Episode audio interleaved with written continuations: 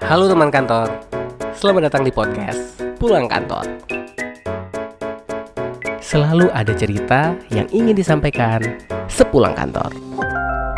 Apa kabar teman kantor? Kembali lagi di podcast Pulang Kantor episode hari ini. Uh, hari ini DP mau ngajak kita sama-sama merenungkan. Mungkin ada beberapa teman-teman kantor yang merasa bahwa gue lo udah kerja sekian lama, gue juga udah mencoba melakukan yang terbaik, tapi kok ternyata hasilnya gini-gini aja ya sedangkan temen gue yang lain dia tuh gak ngapa-ngapain kelihatannya terus santai banget terus kerjaannya juga ngegibah dan sebagainya tapi kok dia bisa berada di posisi itu dan gampang banget gitu DP mau ngajak kita sama-sama untuk merefleksikan salah satu cerita yang DP dapat dari konten TikTok. Sebenarnya di konten TikTok ini pun dia dapat cerita ini dari satu-satu buku ya.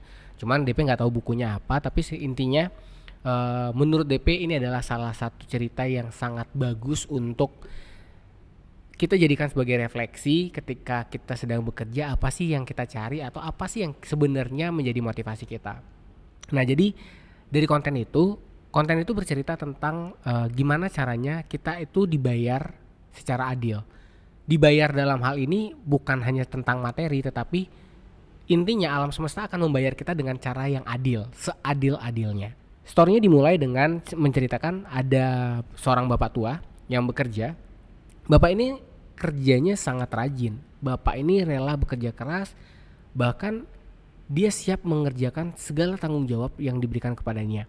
Walaupun secara penghasilan si bapak ini nggak mendapatkan nilai yang sepadan dengan apa yang dikerjakan yang menarik dari cerita ini adalah si bapak tetap melakukan tugasnya walaupun terlihat pekerjaan itu adalah pekerjaan yang sangat amat berat. Kemudian tugas tanggung jawabnya lebih dari apa yang da, dari apa yang didapatkan. Kemudian di sisi lain ada juga cerita tentang ada seseorang yang sangat santai gitu. Kerjanya cuman ya seniatnya dia aja gitu. Nah tapi di sisi lain si orang ini adalah orang yang memiliki penghasilan sangat besar cara mendapatkan penghasilan ini pun juga didapat dengan cara yang sangat nggak wajar.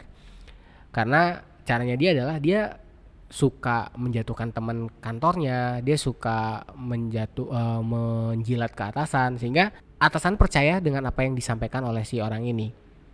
Singkat cerita akhirnya rekan-rekan kerjanya uh, mundur, kemudian akhirnya dia bisa naik pangkat, dia mendapatkan jabatan, kemudian dia mendapatkan penghasilan besar walaupun sebenarnya dia nggak memiliki kompetensi untuk mengerjakan tugas tersebut. Di sisi lain yang paling ber bermasalah itu adalah hobinya adalah sering melimpahkan kesalahan yang dia lakukan ke orang lain.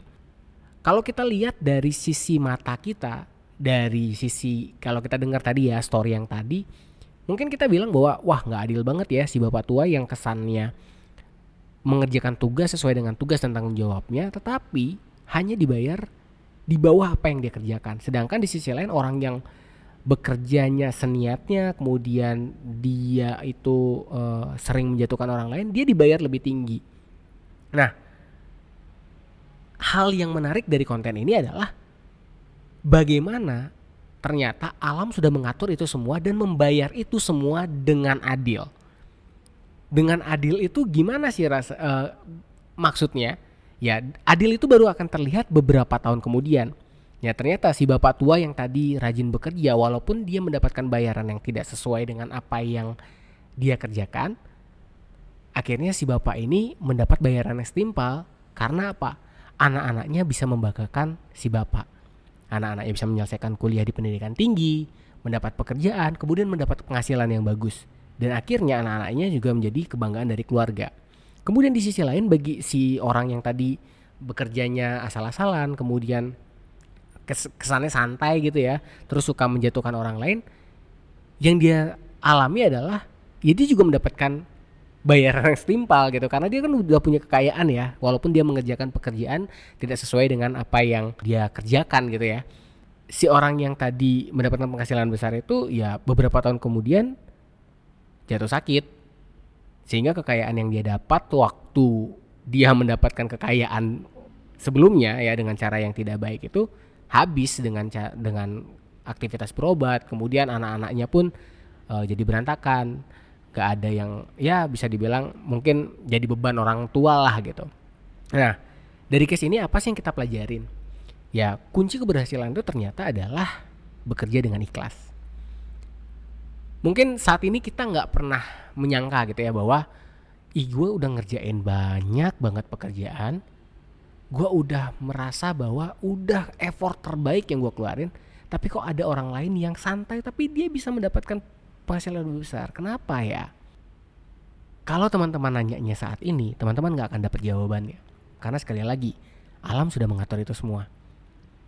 Kuncinya kalau teman-teman ingin mendapatkan apa yang bayaran yang setimpal seperti yang alam siapkan untuk teman-teman adalah ya kita harus belajar untuk bekerja secara ikhlas.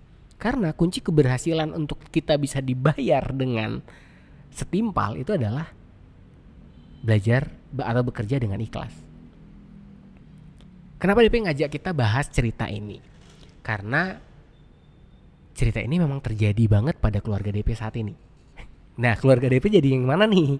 Jadi yang si bapak tua atau orang yang lain? Nah, ternyata cerita si bapak ini benar-benar terjadi pada apa yang terjadi pada keluarga DP. Jadi ayah DP adalah salah satu orang yang nggak pernah neko-neko kalau yang namanya kerja.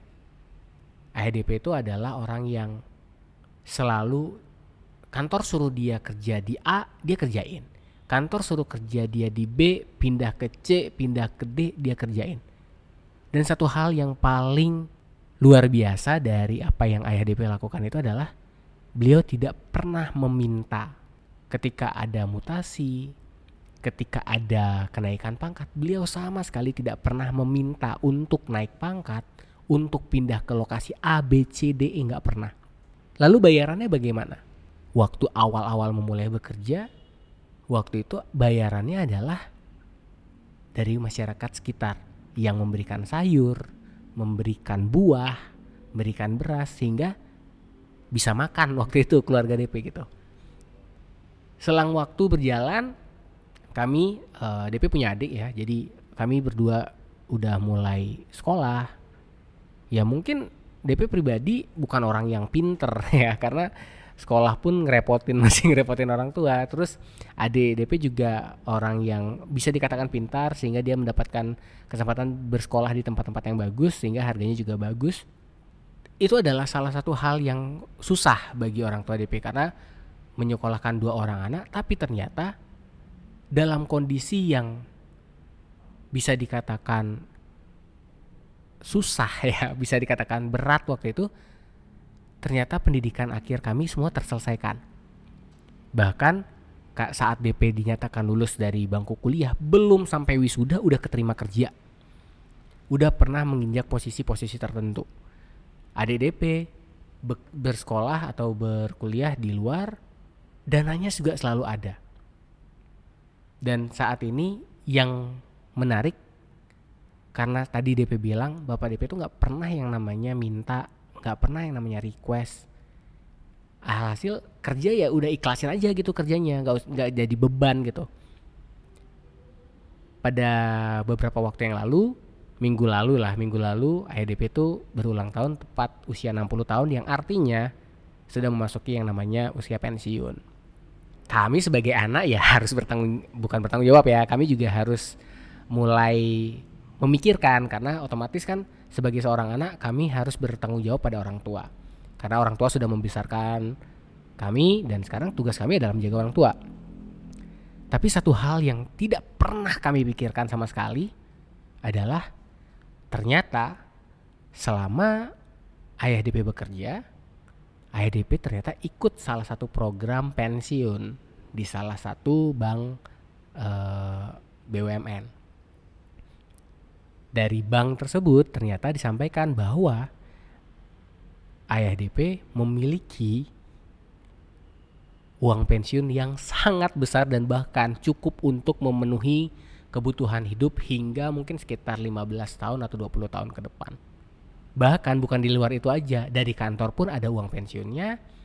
Kemudian ayah DP juga masih memiliki beberapa tabungan yang artinya semua itu nggak pernah dipikirkan karena yang diketahui hanyalah ya udah taruh aja duitnya berapa berapa berapa berapa berapa satu hal yang bikin DP shock adalah saat mendengar ternyata seajaib itulah cara Tuhan bekerja melalui apa yang kita lewatin. DP bukan orang yang bisa tergolong kaya ketika masih anak-anak. Karena untuk minta sesuatu harus mikir dulu. Orang tua bisa nggak ya beliin? Untuk mau makan enak kita harus mikir dulu nih tanggal berapa? Orang tua udah gajian atau belum? Atau misalnya uh, beli beli baju pun itu baru mulai ya. DP baru beli, bisa beli baju sendiri ketika mulai bekerja. Sebelumnya ya kita hanya beli baju ketika hari raya. Dan melihat bahwa oh ternyata di akhir tugas dari ayah DP be, uh, bekerja pensiun udah memasuki masa pensiun ternyata sesuatu yang besar itu memang terjadi dan bahkan itu di luar dari apa yang ayah DP pikirkan. Ayah DP sudah hitung-hitungan gitu, bukan berarti dia nggak hitung-hitungan ya, tapi dia udah hitung-hitungan. Tapi ternyata nominal yang diperoleh adalah dua kali lipat dari apa yang dia hitung.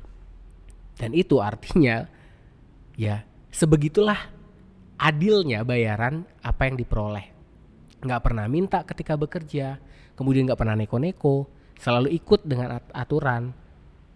Yang penting kerjanya ikhlas. Dan dari situ akhirnya DP belajar tentang yang namanya pulang kantor hari ini. Kenapa? Karena pulang kantor ini sebenarnya kan adalah sesuatu yang DP ingin ceritakan. Karena jujur ya, bohong lah kalau kita bilang setiap kali kita pulang kerja kita nggak bawa masalah. Kita pasti selalu bawa masalah dan kita pengen banget kayak ah udahlah gue pengen resign, gue pengen udah capek deh ngerjain ini karena kok rasanya nggak seimbang banget gitu ya? Apa yang kita udah keluarkan effort yang kita udah keluarkan dengan apa yang kita dapatin. Dan mungkin stres karena kerjaan sendiri tanpa tim dan lain sebagainya.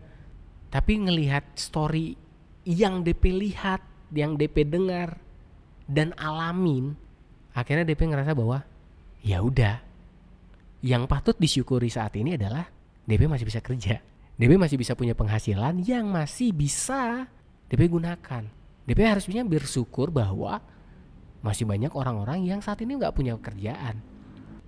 Dari story yang DP lihat di TikTok, ke kejadian yang nyata terjadi pada keluarga DP membuat DP sadar bahwa ya udah tugas kita hanyalah menjalankan apa yang menjadi tanggung jawab kita sampai selesai. Selebihnya biarin alam semesta Tuhan sudah mengatur itu semua untuk kita. Tinggal kita mau nggak sih kerja mengerjakan tugas dan tanggung jawab dengan baik dan dikerjakan dengan ikhlas. Itu silakan teman-teman jawab dan DP akan mengakhiri konten ini dengan sekali lagi mengingatkan bahwa ini adalah tanggal 30 ya, tanggal 30 Maret yang artinya kita akan masuk ke yang namanya pulang kantor gajian. Nah kalau teman-teman mau ya ngerasain bahwa gue kayak udah us usaha banget nih buat dengerin pulang kantor setiap episode gue dengerin gitu ya. Ya udah, yuk ikutan pulang kantor gajian. Teman-teman bisa lakukan hal yang sangat simple yaitu teman kantor dengerin episode mana aja, capture atau uh, screenshot kirim di Insta Story. Jangan lupa di tag ke cerita pulang kantor tuliskan caption terkait dengan kenapa teman kantor suka banget sama episode hari itu. Ya. Nanti buat yang paling menarik itu akan DP transfer ya e-wallet sebesar 50.000 jadi siapa pun ini bisa. Jadi nggak usah mikir ah si A si B. Eh kalau gua temennya DP gimana? Nggak apa-apa kirim aja nggak masalah. Kalau emang itu rezeki kalian kan nggak masalah. Alam semesta udah ngatur tenang aja. Kapan nih berakhirnya berakhirnya uh, kali ini DP panjangin deh. Sampai tanggal 4 deh sampai tanggal 4 ya. Jadi DP akan kirim uh, silakan teman-teman kantor bisa posting mulai dari hari ini tanggal 30 sampai tanggal 4 April. Nanti DP akan lihat kemudian yang menang akan DP langsung transfer saldo e-wallet sebesar 50.000 untuk teman kantor sekalian. Oke teman kantor, itu aja dari DP untuk episode hari ini. Tetap semangat, tetap bekerja secara ikhlas, dan sampai ketemu di episode selanjutnya.